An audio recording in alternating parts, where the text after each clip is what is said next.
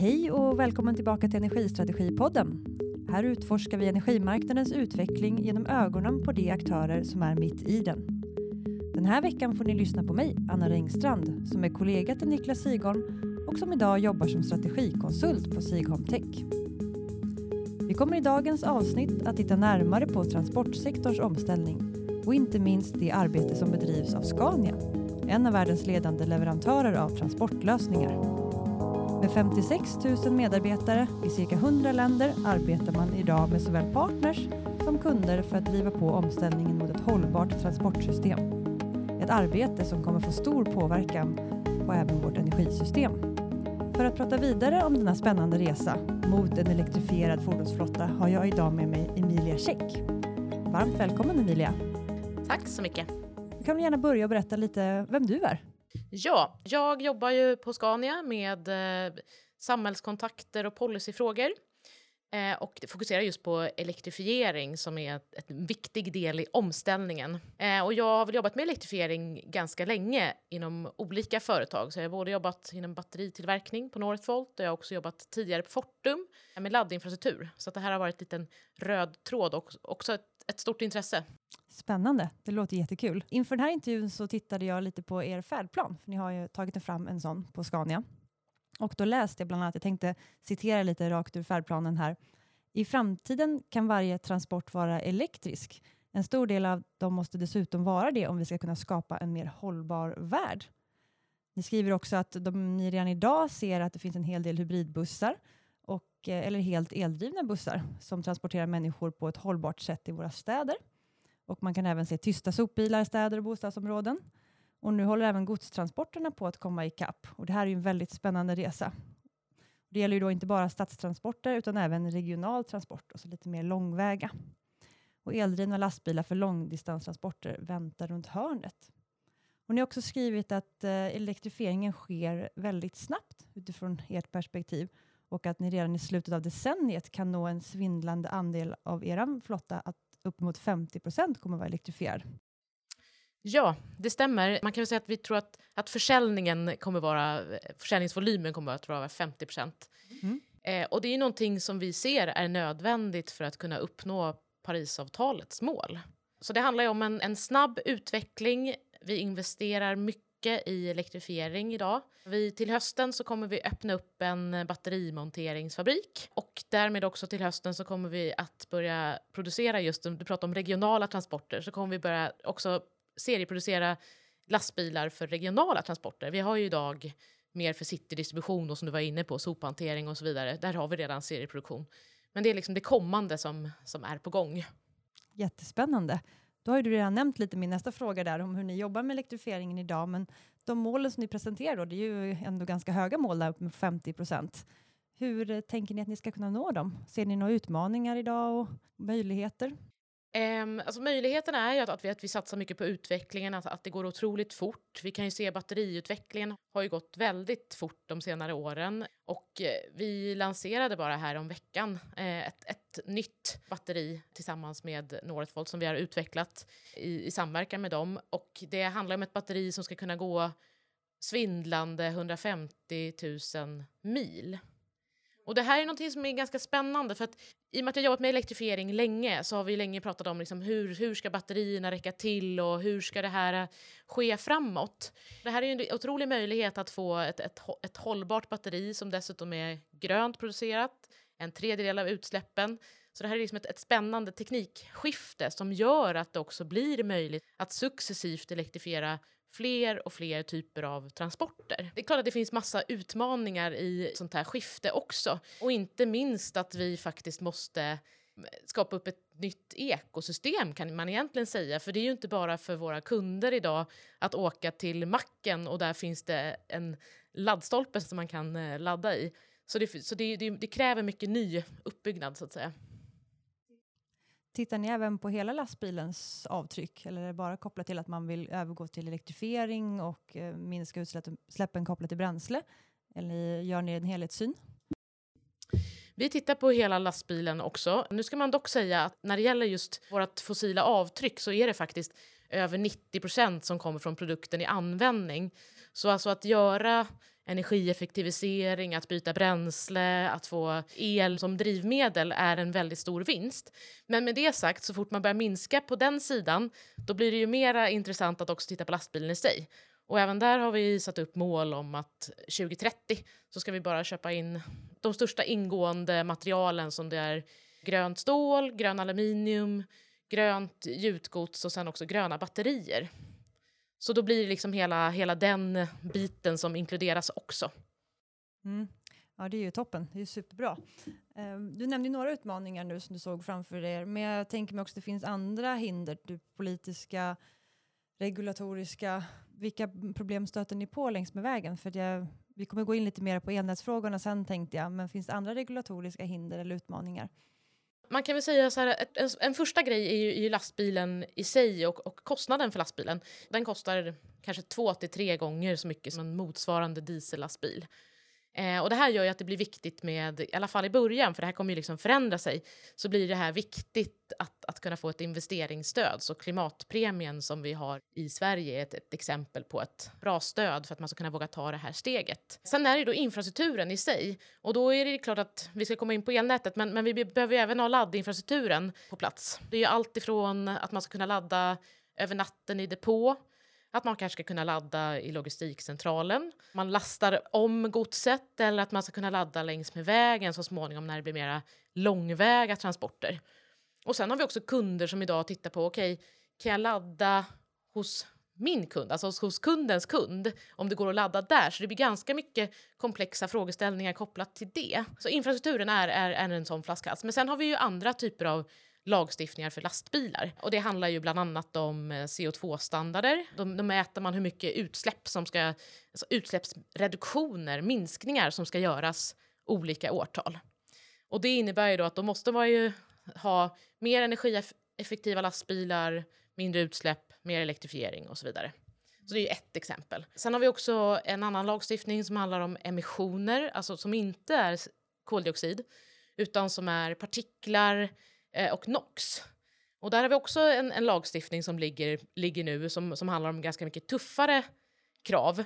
Eh, och där vi kanske känner att det, det, riskerar att bli en begränsning därför att det innebär att vi måste lägga mer utvecklingsresurser igen på förbränningsmotorn istället för att kunna lägga utvecklingsresurserna på elektrifieringen. Mm, det har du rätt i.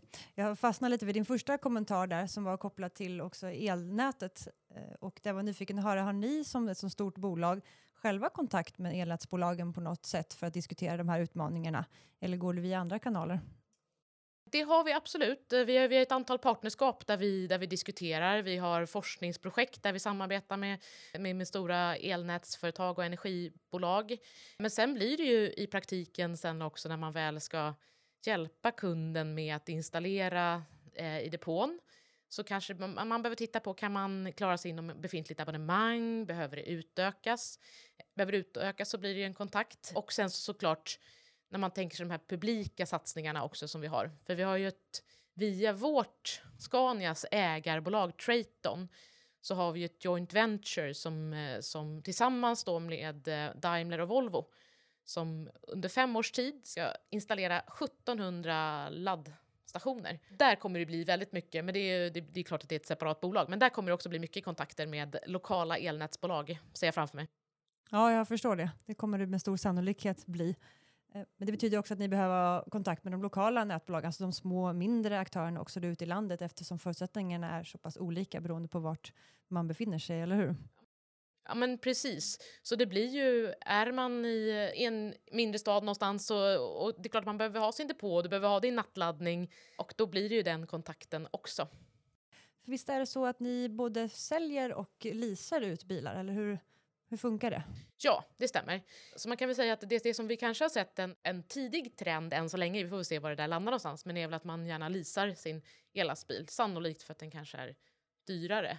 Så det, det, är väl en, det är väl en sån del. Det som är spännande är också att, att våra lastbilar är ju uppkopplade och har varit uppkopplade länge. Så vi har liksom över 600 000 lastbilar där ute som är uppkopplade. Och det här gör ju också att vi potentiellt sett kan hjälpa våra kunder att hitta liksom de optimala rutterna. Alltså vilken, om man tittar på sina lastbilar, sen finns det ju olika storlekar på hur många, det finns ju alltifrån enmansföretagen som har en lastbil till att man har två, tre, till att man kanske har 40 eller 100 eller 300. Men man kan ändå titta på att men de här rutterna eller de här som ni kör med den här, det borde ni kunna ersätta tidigt med en ellastbil. Så där finns det också en möjlighet och då kan man liksom optimera ifrån allting. Då kan man titta så här, okej, okay, ja men utifrån den rutten ni ska köra, har ni någon laddstation där i närheten? Så kan man verkligen se till så att successivt byta ut flottan.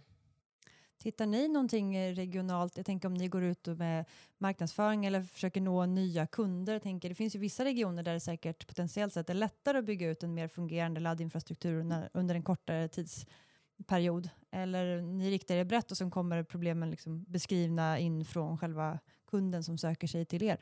Ja, man, kan, man kan väl säga så att, att mycket av det som, som levereras ut idag, då, då klarar du ju ganska mycket på att ladda i din depå.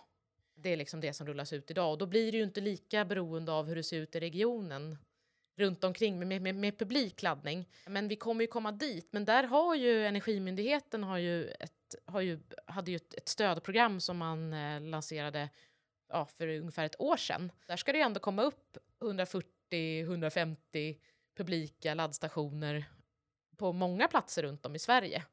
Så det kommer ju liksom bli en, en viktig installation som kommer ha stor betydelse för, för utrullningen såklart.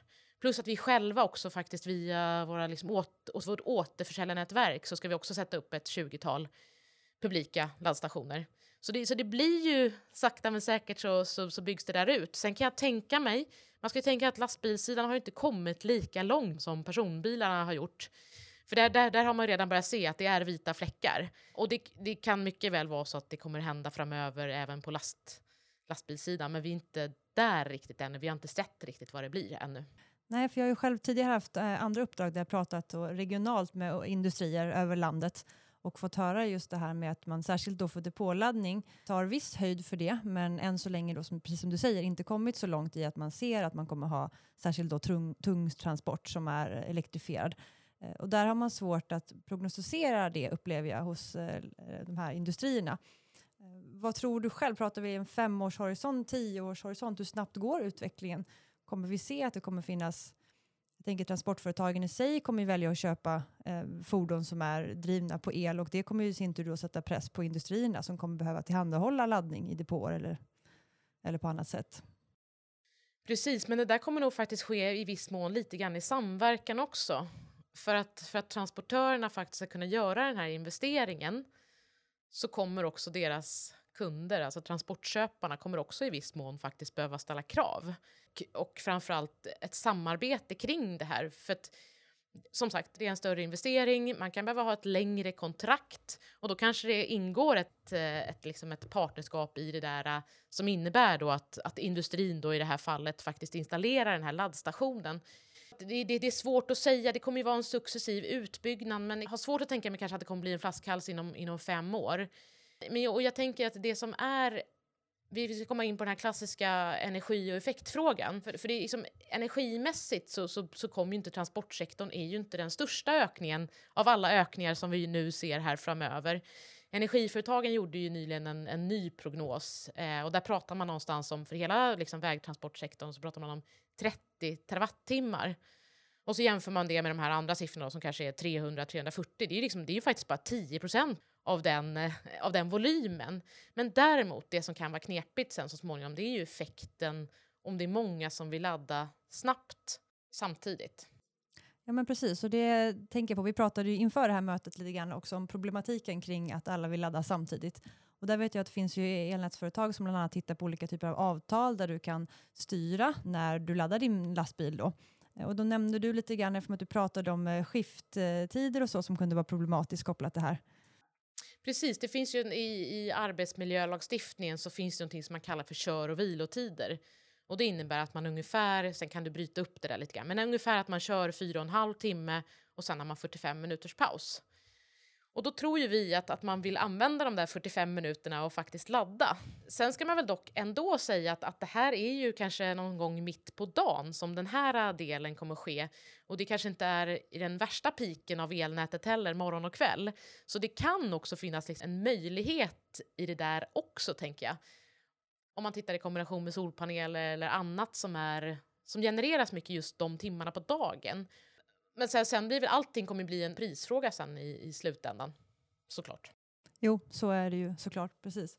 Men det är också återigen kopplat till det vi pratade om tidigare, att samverkan känns här som en nyckel till att hitta vägen framåt här, så att man förstår behoven inom transportsektorn kopplat till vad det finns för möjligheter att ställa ut olika typer av avtal eller ja, skapa förutsättningar för att det ska fungera helt enkelt. Verkligen. Eh, och det, och det, är väl därför, det är väl det vi ser i det här skiftet överhuvudtaget med partnerskapen. Det här är ju ett skifte som jag ja, som, vi, som vi sällan har skådat skulle jag vilja säga. För hela omställningen av energisystemet och där, där transportsektorn är en del. Eh, så det är klart att vi, ingen kommer klara det här själv. Det är, för, det är för mycket som ska hända på kort tid. Mm. Ja, men precis, det är för många olika typer av aktörer inblandade som också ser det här från helt olika perspektiv. Jag tänkte koppla an till den eh, omvärld vi befinner oss just nu i. Eh, vi har ju, ja, som har blivit påtagligt för de flesta, under, särskilt under senaste året, då, ett energisystem som står inför stora utmaningar. Och du var inne på det med den ökade energibehovet upp till 330 terawattimmar där. Eh, vilket är en enorm ökning. Bara för något år sedan så sa man ju en dubblering eh, och nu är vi uppe i ja, tre gånger så mycket kanske. Eh, så det är spännande. Man får också se det som en kul framtid framöver. Eh, men det här ställer ju då eh, krav eh, på många branscher och som du var inne på elnäten, men det ställer också krav på, på företagen som får nu då ökade räntor och vi har ökad inflation och ökade kostnader för material till exempel och svårt att få tag på material också i viss utsträckning. Har det här påverkat er på Scania på något sätt? Jag skulle säga att i nuläget så har det väl, har, var ju pandemin var ju ganska knepiga med, med leverantörskedjor eh, som bröts och, och containrar som var på fel platser och, och halvledarutmaningar och så vidare. Det, det var väl en utmaning som så, men just nu så skulle jag inte säga att det har påverkan i att vi har problem med våra leverantörskedjor eller någonting sånt. Eh, det, det kan ju ändras snabbt. Men däremot såklart att det blir ju liksom hela omställningen och, och liksom har kunderna råd att köpa lastbilarna och hur ser den situationen ut? Och där kan det ju, vi har fortfarande inte sett det, men, men, men där kan det ändå få en påverkan. Kommer det att påverka er i att ni kommer, så att säga, jag förstår att det är en affärsmässig fråga också, att ni måste ju säkra era intäkter till Scania som företag. Men ni lägger också mycket tid på forskning och tittar på den här typen av lösningar. Tror du att det kommer göra att det finns risk för att ni backar den utvecklingen och pausar den? Eller tror du att ni kommer i största möjliga mån försöka fortsätta driva utveckling inom just elektrifiering av transportsektorn? Vi har inga, inga indikationer på nu att vi skulle ändra vår liksom, utvecklingsplan när det gäller elektrifiering. Inte när det gäller den ekonomiska situationen, men det var som jag var inne på tidigare, det beror på andra typer av lagstiftningar om vi måste skifta fokus möjligen, vilket vi inte vill, men det, det skulle kunna bli så. Mm. Ja, det är klart, jag förstår att det är svårt att svara på. Jag håller ju bara tummarna för att ni ska fortsätta kunna jobba i den här riktningen.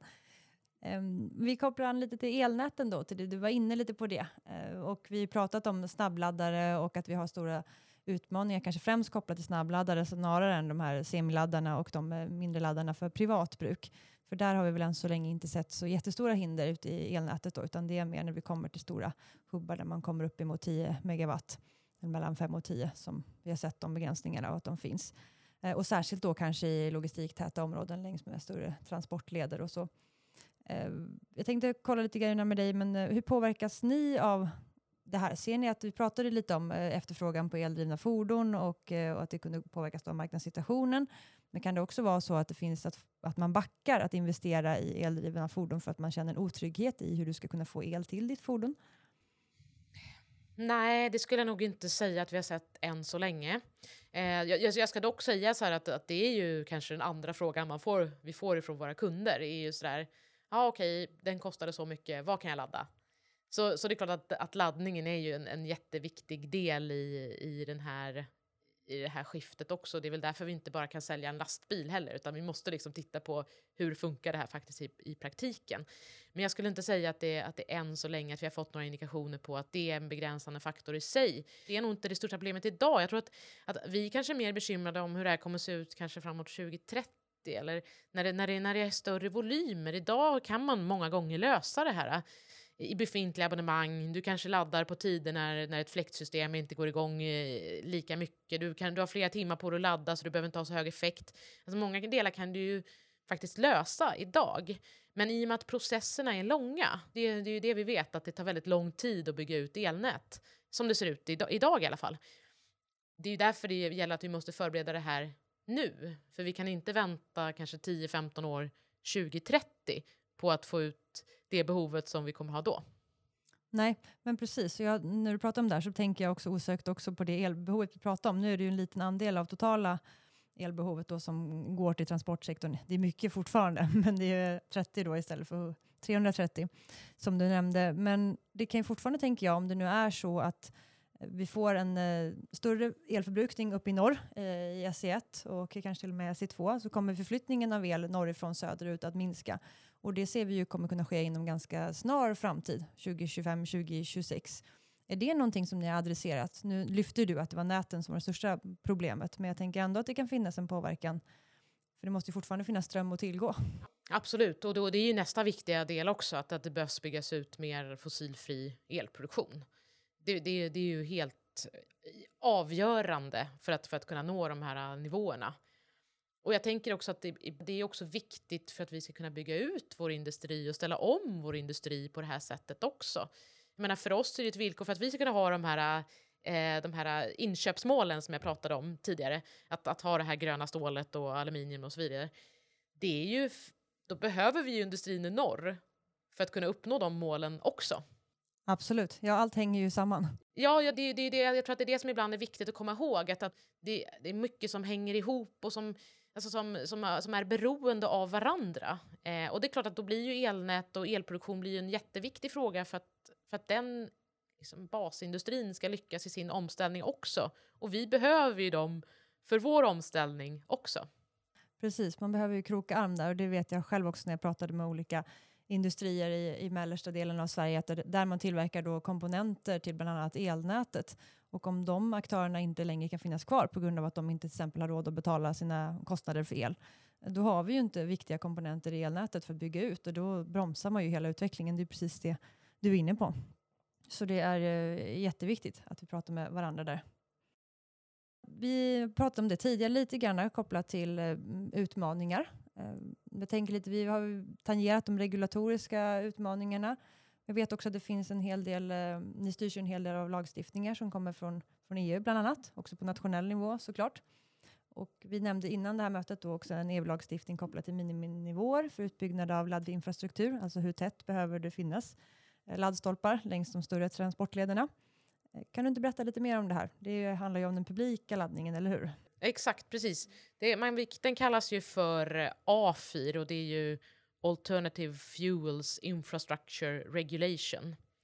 Och då kan man säga att det är egentligen upp till eh, medlemsländerna att sätta upp en, en miniminivå av, av laddstationer längs med de större vägarna, det som kallas för, för eh, TNT-nätverket, så det är egentligen de, de, de större motorvägarna eh, genom Europa. Och det här eh, är ju, är ju en, en väldigt god första ansats, att, att man sätter upp en miniminivå.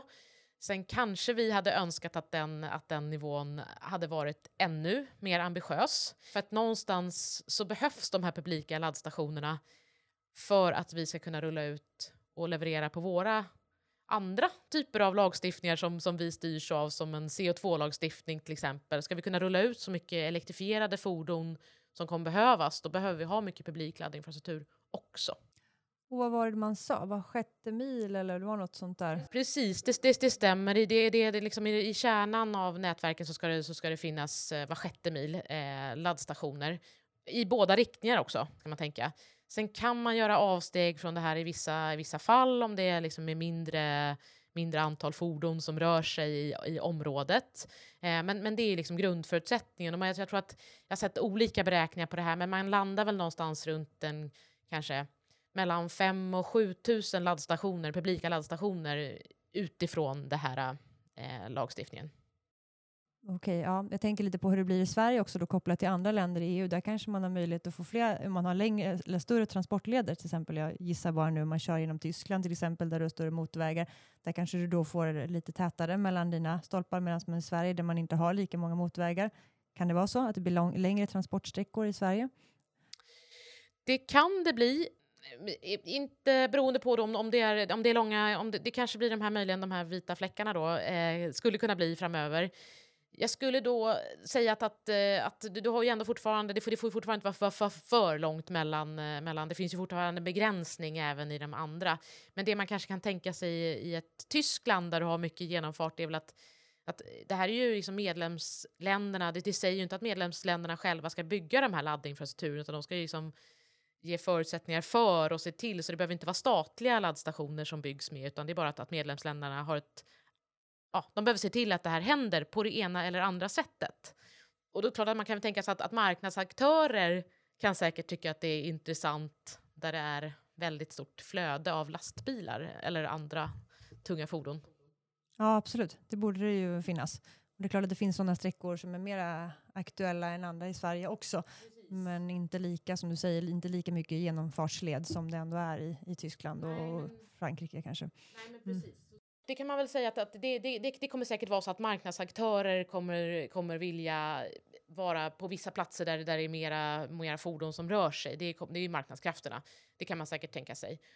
Och medlemsländerna har ju en miniminivå som de måste förhålla sig till. Det, det, det, det, är inte så att det är sagt att det är medlemsländerna själva som ska bygga, alltså staten i, i Sverige eller någon annan ska bygga, utan det är bara att man har ett ansvar att se till att det kommer upp de här laddstationerna. Just det, precis. Men det är väl vettigt också. För då får vi ju som sagt, som du säger, en marknad som kommer styra utbyggnaden och det är ju rimligt på sikt. Skulle man kunna tänka sig. Absolut. Det finns ju flera aktörer som jobbar med eh, de här frågorna eller som driver på utvecklingen och vi har ju, eh, jag kom över en, eh, ett inspel från REAL som är Regional Electrified Logistics står de för, eller hur? Precis, det stämmer. Det är ju ett, ett, ett forskningsprojekt, ett ganska stort med, med, med, ett, med ett stort antal fordon eh, och där vi är flera fordonstillverkare med. Vi har energiföretag som är med, regioner och, och inte minst ett antal eh, företag som har elektrifierade lastbilar i sin, i sin flotta och, och eh, kör, kör dem på och, och är med och testar och man tar fram olika typer av rapporter. Väldigt intressant att få, jag tror att det är 50-60 fordon eh, som är med i den här. Så det blir ett ganska stort samlat grepp som är tror jag faktiskt ganska unikt. Ja, jag funderade på det. Finns det fler? Det var nämligen min följdfråga. Finns det flera sådana liknande typer av initiativ? Eller jag stötte på något, något mindre, där man, men det var nog snarare att man hade samlat olika logistikföretag som jobbade tillsammans för det här och eh, hade någon form av anknytning då till transporttillverkare. Eh, eh, men just den typen av initiativ känner jag skulle kunna hjälpa och driva fram utvecklingen i den riktning som vi kanske behöver för att kunna ställa om. Exakt, och jag, jag, jag tror i, i, Sverige är, är det här äh, det, det, det, största initiativet. Det pågår eh, andra typer av initiativ i, i, andra länder också. Men just att man har en möjlighet att följa upp med chaufförer, med eh, att, att elnätsföretagen är på plats och tittar på frågeställningarna, att lastbilstillverkarna är på plats. Det blir väldigt, det blir väldigt starkt. Eh, och det är också väldigt intressant att höra de första reaktionerna från, från chaufförerna. För någonstans, det är ju deras arbetsmiljö det här vi talar om. Och det ska vi faktiskt inte glömma bort. Och, det är ju, och där är det otroligt kul att höra att det är många som är så här, ja men det är, ja men har du börjat köra en ellastbil så vill du inte gå tillbaks i princip till, till fossilastbil sen. Det är tystare, det är mindre vibrationer och kanske också att man känner att man är en del av omställningen på något sätt också. Så det finns ju någonting i i den delen att det blir en komfort för föraren som är jätteviktig. Vi kanske ska också säga det att, att det här är också ett, ett projekt som är delfinansierat via FFI, eh, alltså det är Vinnova och Energimyndigheten som är med i det där också. Eh, så det är en otroligt fint sätt att, att, att, att få, lite, få statligt stöd också eh, och genomföra den här typen av projekt som jag, jag tror kommer vara till nytta för omställningen. Ja, absolut. Och det är också fint det du säger om att chaufförerna själva kanske också ser en nytta av det här. För det är ju precis som vi landar i att det är ju användaren som ska ha en upplevelse. Det är ju så, så som det handlar om i stort i väldigt mycket. Du, eh, du nämnde ju tidigare att de här lastbilarna kostar två till tre gånger så mycket eh, idag, i dagsläget. Eh, har du någon känsla för när priserna på det här ska tänkas gå ner? Jag förstår att det är svårt att säga, men ser man liksom en nedåtgång eh, fram till då 2030 när man ser de här den målbilden ni har satt upp i prisbilden. Nu, som sagt, nu har vi ju en speciell situation i omvärlden också. Det har vi ju tangerats. Men eh, om det nu lite grann eh, lugnar ner sig och kanske går tillbaks, inte tillbaks helt och hållet, men att det ändå stabiliserar sig då. Precis, inom, inom lastbilsbranschen så brukar man prata om någonting som heter total cost of ownership. Eh, och det handlar egentligen om vad är totalkostnaden för att driva den här lastbilen och då är det ju personalen, det är lastbilen, investeringen i sig och det är också drivmedlet. Eh, och här har man ju, det är ju vinsterna här gör man ju på drivmedlet. Så det är ju egentligen det som vi är allra mest intresserade av, att hitta de bra casen och att, och att komma ner i kostnader. Lastbilen kommer säkert komma ner i pris. Eh, men men eh, det viktigaste är ju egentligen att se att den här totalkostnaden för att ha det här eh, fordonet och att kunna använda det i sin, i sin logistikservice, att, att den är i paritet eller, eller allra helst kanske lägre än ett motsvarande dieselfordon. Så det är snarare det som man tittar på kanske än, än själva priset bara på lastbilen. Men det är klart att initiativ som jag var inne på också, klimatpremien hjälper ju till eh, att, att du kan få ner, att du kan få ett bidrag. Ja, för det här är intressant då, för förstod jag det rätt att du menar då att eh, kostnaden för el kommer få en stor påverkan för totala upplevelsen eller prisbilden för lastbilen? Absolut. För det är ju, det är ju drivmedelskostnaden så att egentligen ju, ju fler kilometrar som du kör med det här fordonet desto större påverkan får ju om du har en lägre kostnad för el kontra diesel, vilket vi fortfarande verkligen har. Ja men precis, och det, det, är också en anledning till att tänka att vi nu ska främja då och bygga ut det här eh, svenska energisystemet som vi har, så vi säkrar produktionen eh, och säkerställer att vi får en prisbild som inte eh, eh skenar, tänker jag. Eh, för det är ju det vi ser framför oss tyvärr, att vi tror att vi kommer få höga priser, eller högre priser på el. Sen som sagt, som du säger, så handlar det ju om differensen mellan kostnaden för diesel kontra el. Och det beror ju också då på vad som händer med dieselpriset framgent. Men att man ändå eh, finns goda incitament till att försöka sträva då efter att man ändå bibehåller en så låg mm, nivå på elpriset som möjligt utifrån det perspektivet som, som ni har. Ja, det är, det, är helt, det är helt rätt. Sen ska man säga, sen finns det ju även andra styrmedel när det gäller det fossila. För där eh, finns det ju det här eh, utsläppshandelssystemet som har funnits länge, men där har det kommit ett, ett, ett ETS2, alltså ett, ett, ett, eh, ett, en andra del i det här utsläppsrättssystemet som ska hantera just vägtransporter. Och där blir det ju då ett, ett utsläppsrätter även som man måste hantera för, för bränslet.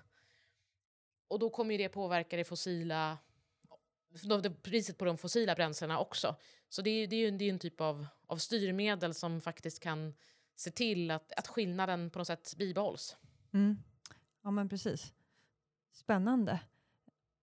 Vi pratade lite om eh, höga elpriser, osäkerheter och Eh, Eh, batteritjänster och liknande. Vi pratade lite om eh, i våra program tidigare om stödtjänstmarknaden och eh, användandet av batterier till andra saker i systemet och kanske tänker på vehicle to grid så småningom och den utvecklingen vi ser. Vad är din tanke här? Ser vi att vi kommer, när kommer vi ha möjlighet att använda batterierna till att stötta nätet? Jag tänker att här finns det nog en ganska stor skillnad mellan lastbilar och personbilar. Därför att en personbil eh, kanske står stilla 23 av dygnets 24 timmar. Om en lastbil står stilla 23 av timmar av dygnets 24 så har vi ett problem. Eh, så här är ju någonting, en, en, den, den ska ju vara i bruk så mycket som möjligt, är ju ändå tanken. Eh, och kanske snarare då att du kan se att, att du kanske om du laddar mitt på dagen och kan ta upp solceller eller att du kan liksom styra, styra laddningen kanske snarare i ett första skede än att, än att leverera tillbaks. Eh, sen, sen ser vi ju, det är klart att, att om stödtjänstmarknaden ser ut som den gör idag så kanske det skulle vara intressant eh, att, att även titta på vehicle to grid för, för, för lastbilar. Men eh, det, i första skedet, vi, vi, är inte riktigt där ännu. skulle jag säga. Nej, jag tänker att ni kanske, nu är jag lite novis i det här också, men tänker de batterierna ni har i lastbilar kanske ändå har en större kapacitet än vad du har i en min, mindre fordon, stämmer det? Absolut, det, det, det stämmer. Det är helt klart så att, att, det är en större, att det är ett större kapacitet, definitivt. Och då tänker du, skulle ju, eller hypotetiskt då på sikt, så, så skulle det kunna vara ett alternativ om du har lastbilar som till exempel då står viss tid på dygnet av något skäl. Sen förstår jag också att det optimeras utifrån körsträcka och hur mycket du är ute i, i trafik så att säga.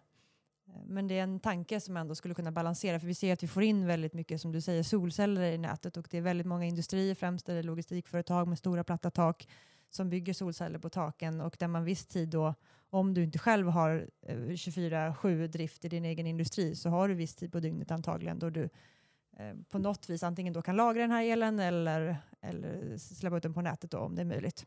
Och där skulle man kunna tänka sig att man skulle kunna kombinera det här då på något vis med, med laddning. Ja, det är ju en, det är en superspännande tanke. Och jag tänker, precis som du säger, att om du skulle anta att du laddar upp vissa, vissa timmar då under dagen med solpanelerna och sen så kanske du har lite underskott så kanske du inte behöver köra, köpa in lika mycket sen under de timmarna när, när, när solcellerna inte producerar. Men, men det, det, det är fortfarande en, en bit fram. Jag förstår det. Mm. Ja, men det är bra att klargöra, för det här är ju begrepp som hela tiden figurerar runt i media och du hör de här begreppen, vehicle to grid, så du har pratat om det här länge, i många år. Man har hört det här i 10-15 år och eh, det är spännande att veta vad händer i utvecklingen här och att det är främst då kanske på personbilsidan som det först kommer ske en förändring. Ja, och, där, och där, där ser vi redan vissa av personbilstillverkarna som, som är inriktade på det här. Men jag tycker också det är väldigt intressant att se hela utvecklingen i det här överhuvudtaget. Alltså, som du säger, vi har pratat vehicle to grid i 10-15 år. Och så tänkte man så här, så har man tänkt så här, men hur kan det här ens bli aktuellt? Eh, med tanke på de låga elpriser vi har haft.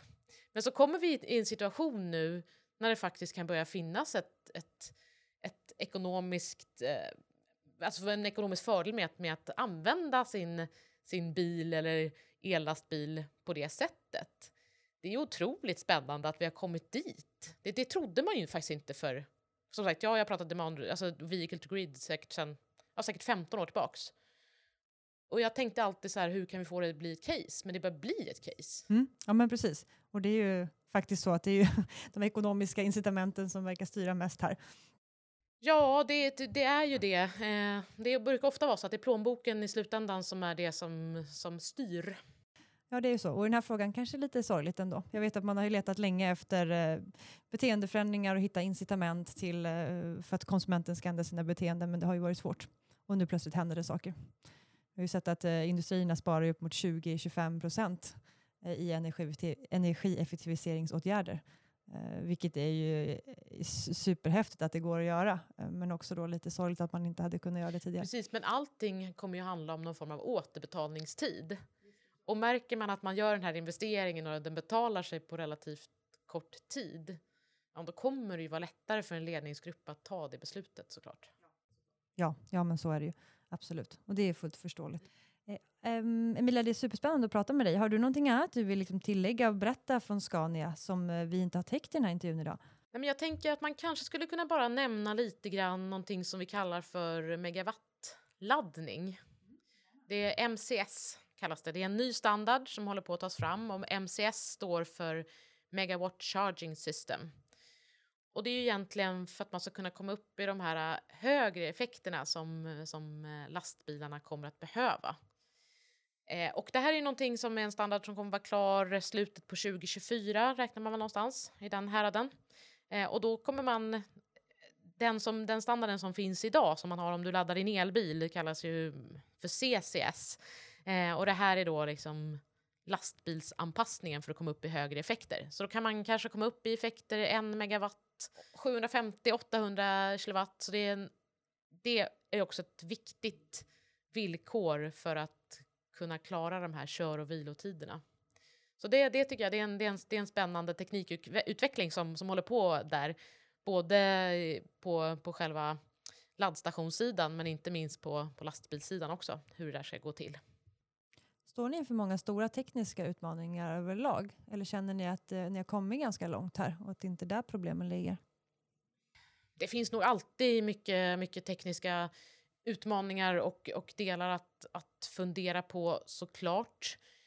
Men jag skulle inte säga att, att det, förhoppningsvis har vi fortfarande inte hittat någonting som, som verkar vara omöjligt att lösa, men det innebär, men du dyker på nya problem då om man väljer att uttrycka sig så som man, som man måste titta på. Det är ju det är klart att blir så här höga effekter, om vi nu talar 750 eller 1000 kilowatt, då kommer du behöva kyla också.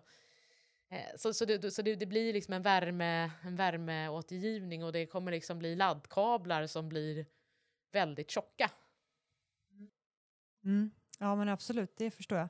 Eh, en annan tanke som slog mig nu när du berättade det här, för ni har ju valt att gå in mot elektrifieringsspåret och att det är den typen av bränsle som ni på Scania ändå har promotat framgent. Det finns ju andra sätt att ersätta fossila bränslen med i transportsektorn. Eh, hur tänker ni där? För ni har ju ändå fokuserat kring det, eh, vad jag förstår, på Scania.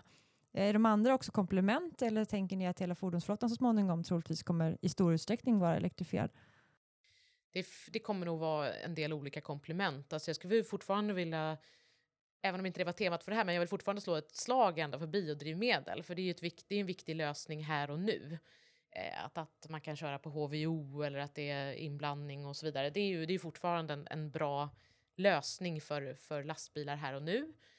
Eh, biogasen, jättespännande lösning också. Eh, och där, där kan vi också se på, på cir det cirkulära i att du återvinner olika, eller ja, du ja, återvinner avfall helt enkelt och gör biogas av det som du sen kan köra i städerna på, skapar arbetstillfällen kopplat till det. Det är en annan spännande del. Sen är det vätgasen. Eh, ska, man nog, ska vi absolut inte glömma bort heller. Det, finns säkert, det kommer finnas vissa applikationer när vätgasen är intressant också. Anledningen till att Scania har valt att, gå, att, att ha som sitt huvudsakliga spår eh, batterielektriska fordon är, är egentligen främst energieffektivitet.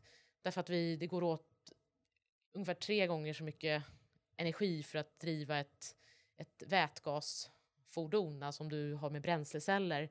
I och med alla omvandlingarna som du har, från eh, el som spjälkar ner vattnet till vätgasen och sen ska vätgasen omvandlas i bränslecellen till el igen och så vidare. Så, så, det, så det, det är väl en av anledningarna till att vi har satsat mycket på på de batterielektriska. Men det kommer säkert finnas länder, områden, industrier som, som tycker att, att där, där vätgasen kommer vara en, en intressant lösning också.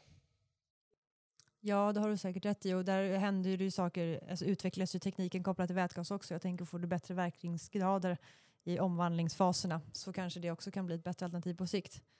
Och det låter det ju bara utifrån det du berättar nu då, så låter det ju klokt ändå med börja det man ser närmaste tid, det vill säga elen har vi ju här på plats nu, vätgasen är fortfarande under utveckling. Med det då inte sagt att det inte blir en aktuell bränslekälla det heller då, men det kan det bli. Det, det, kan det absolut bli, men även om vi kanske inte tror att det kommer vara merparten. Men, men, men vätgasen är intressant också, och inte, inte minst som för, för energisystemet som helhet. En möjlighet att lagra den eh, liksom variabla vind och solkraften under längre perioder också kan vi tänka. Ja men precis, det är det som är den stora skillnaden mot de, här, mot de batterierna som ni till exempel har i, inom transportsektorn till exempel. Exakt. Jag tänker att eh, vi börjar komma mot vårt slut. Eh, jag är jätteglad att du varit här idag. Emilia har pratat med oss. Det har varit superspännande att höra. Kul att vara här. Mm, jag har en avslutande spaningsfråga till dig bara som jag tänkte runda av med. Och eh, där undrar jag lite, hur tror du att transportsektorn ser ut 2030? Hur många elbilar kommer vi se på våra vägar? Och blir elnätet en så stor begränsande faktor som vi inom energibranschen oroar oss för? Eh, jag tror att den frågan beror lite grann på var någonstans du tittar i världen. Det är väldigt olika förutsättningar om du är i, i Europa eller om du är i Afrika eller i kanske Sydamerika. Men om jag väljer att begränsa den frågan lite grann till Europa så, så tror jag att vi kommer uppnå de här målen om att, att det ska vara eh, 50 procent av, av, av försäljningen. Nu ska man dock tänka att för den rullande flottan så kanske det ändå bara motsvarar 10-20 procent. Så, att, så, att, så, det, så det, kommer fortfarande, man kommer fortfarande se mycket förbränningsmotorer på våra gator. Jag tror att, att städerna, eh, för det är redan en trend som vi ser nu, kommer börja ställa mer krav på nollemissionszoner, vilket kommer att göra att, att, att omställningen det, det kommer krävas för att vi ska kunna transportera gods och i, i städerna helt enkelt. Och jag tror att, att elnätsfrågan kan vara ett problem på, på vissa platser eh, där det behövs laddas mycket fordon samtidigt och snabbt. Då kan det vara en utmaning. Men jag är också lite sådär teknikpositiv. Så jag tror att det är problem som kommer att lösas med kanske stationära energilager eller, eller andra typer av lösningar. Tack Emilia, det var härligt att höra. Då lämnar vi studion idag med positiva nyheter från Emilia Käck. Tack så jättemycket för oss.